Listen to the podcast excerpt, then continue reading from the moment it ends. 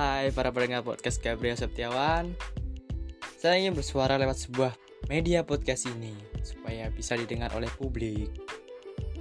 Dengan pembelajaran dari sebuah pengalaman yang saya lakukan Karena di era ini saya melihat banyak kekacauan atau kekeliruan Termasuk pada diri saya sendiri.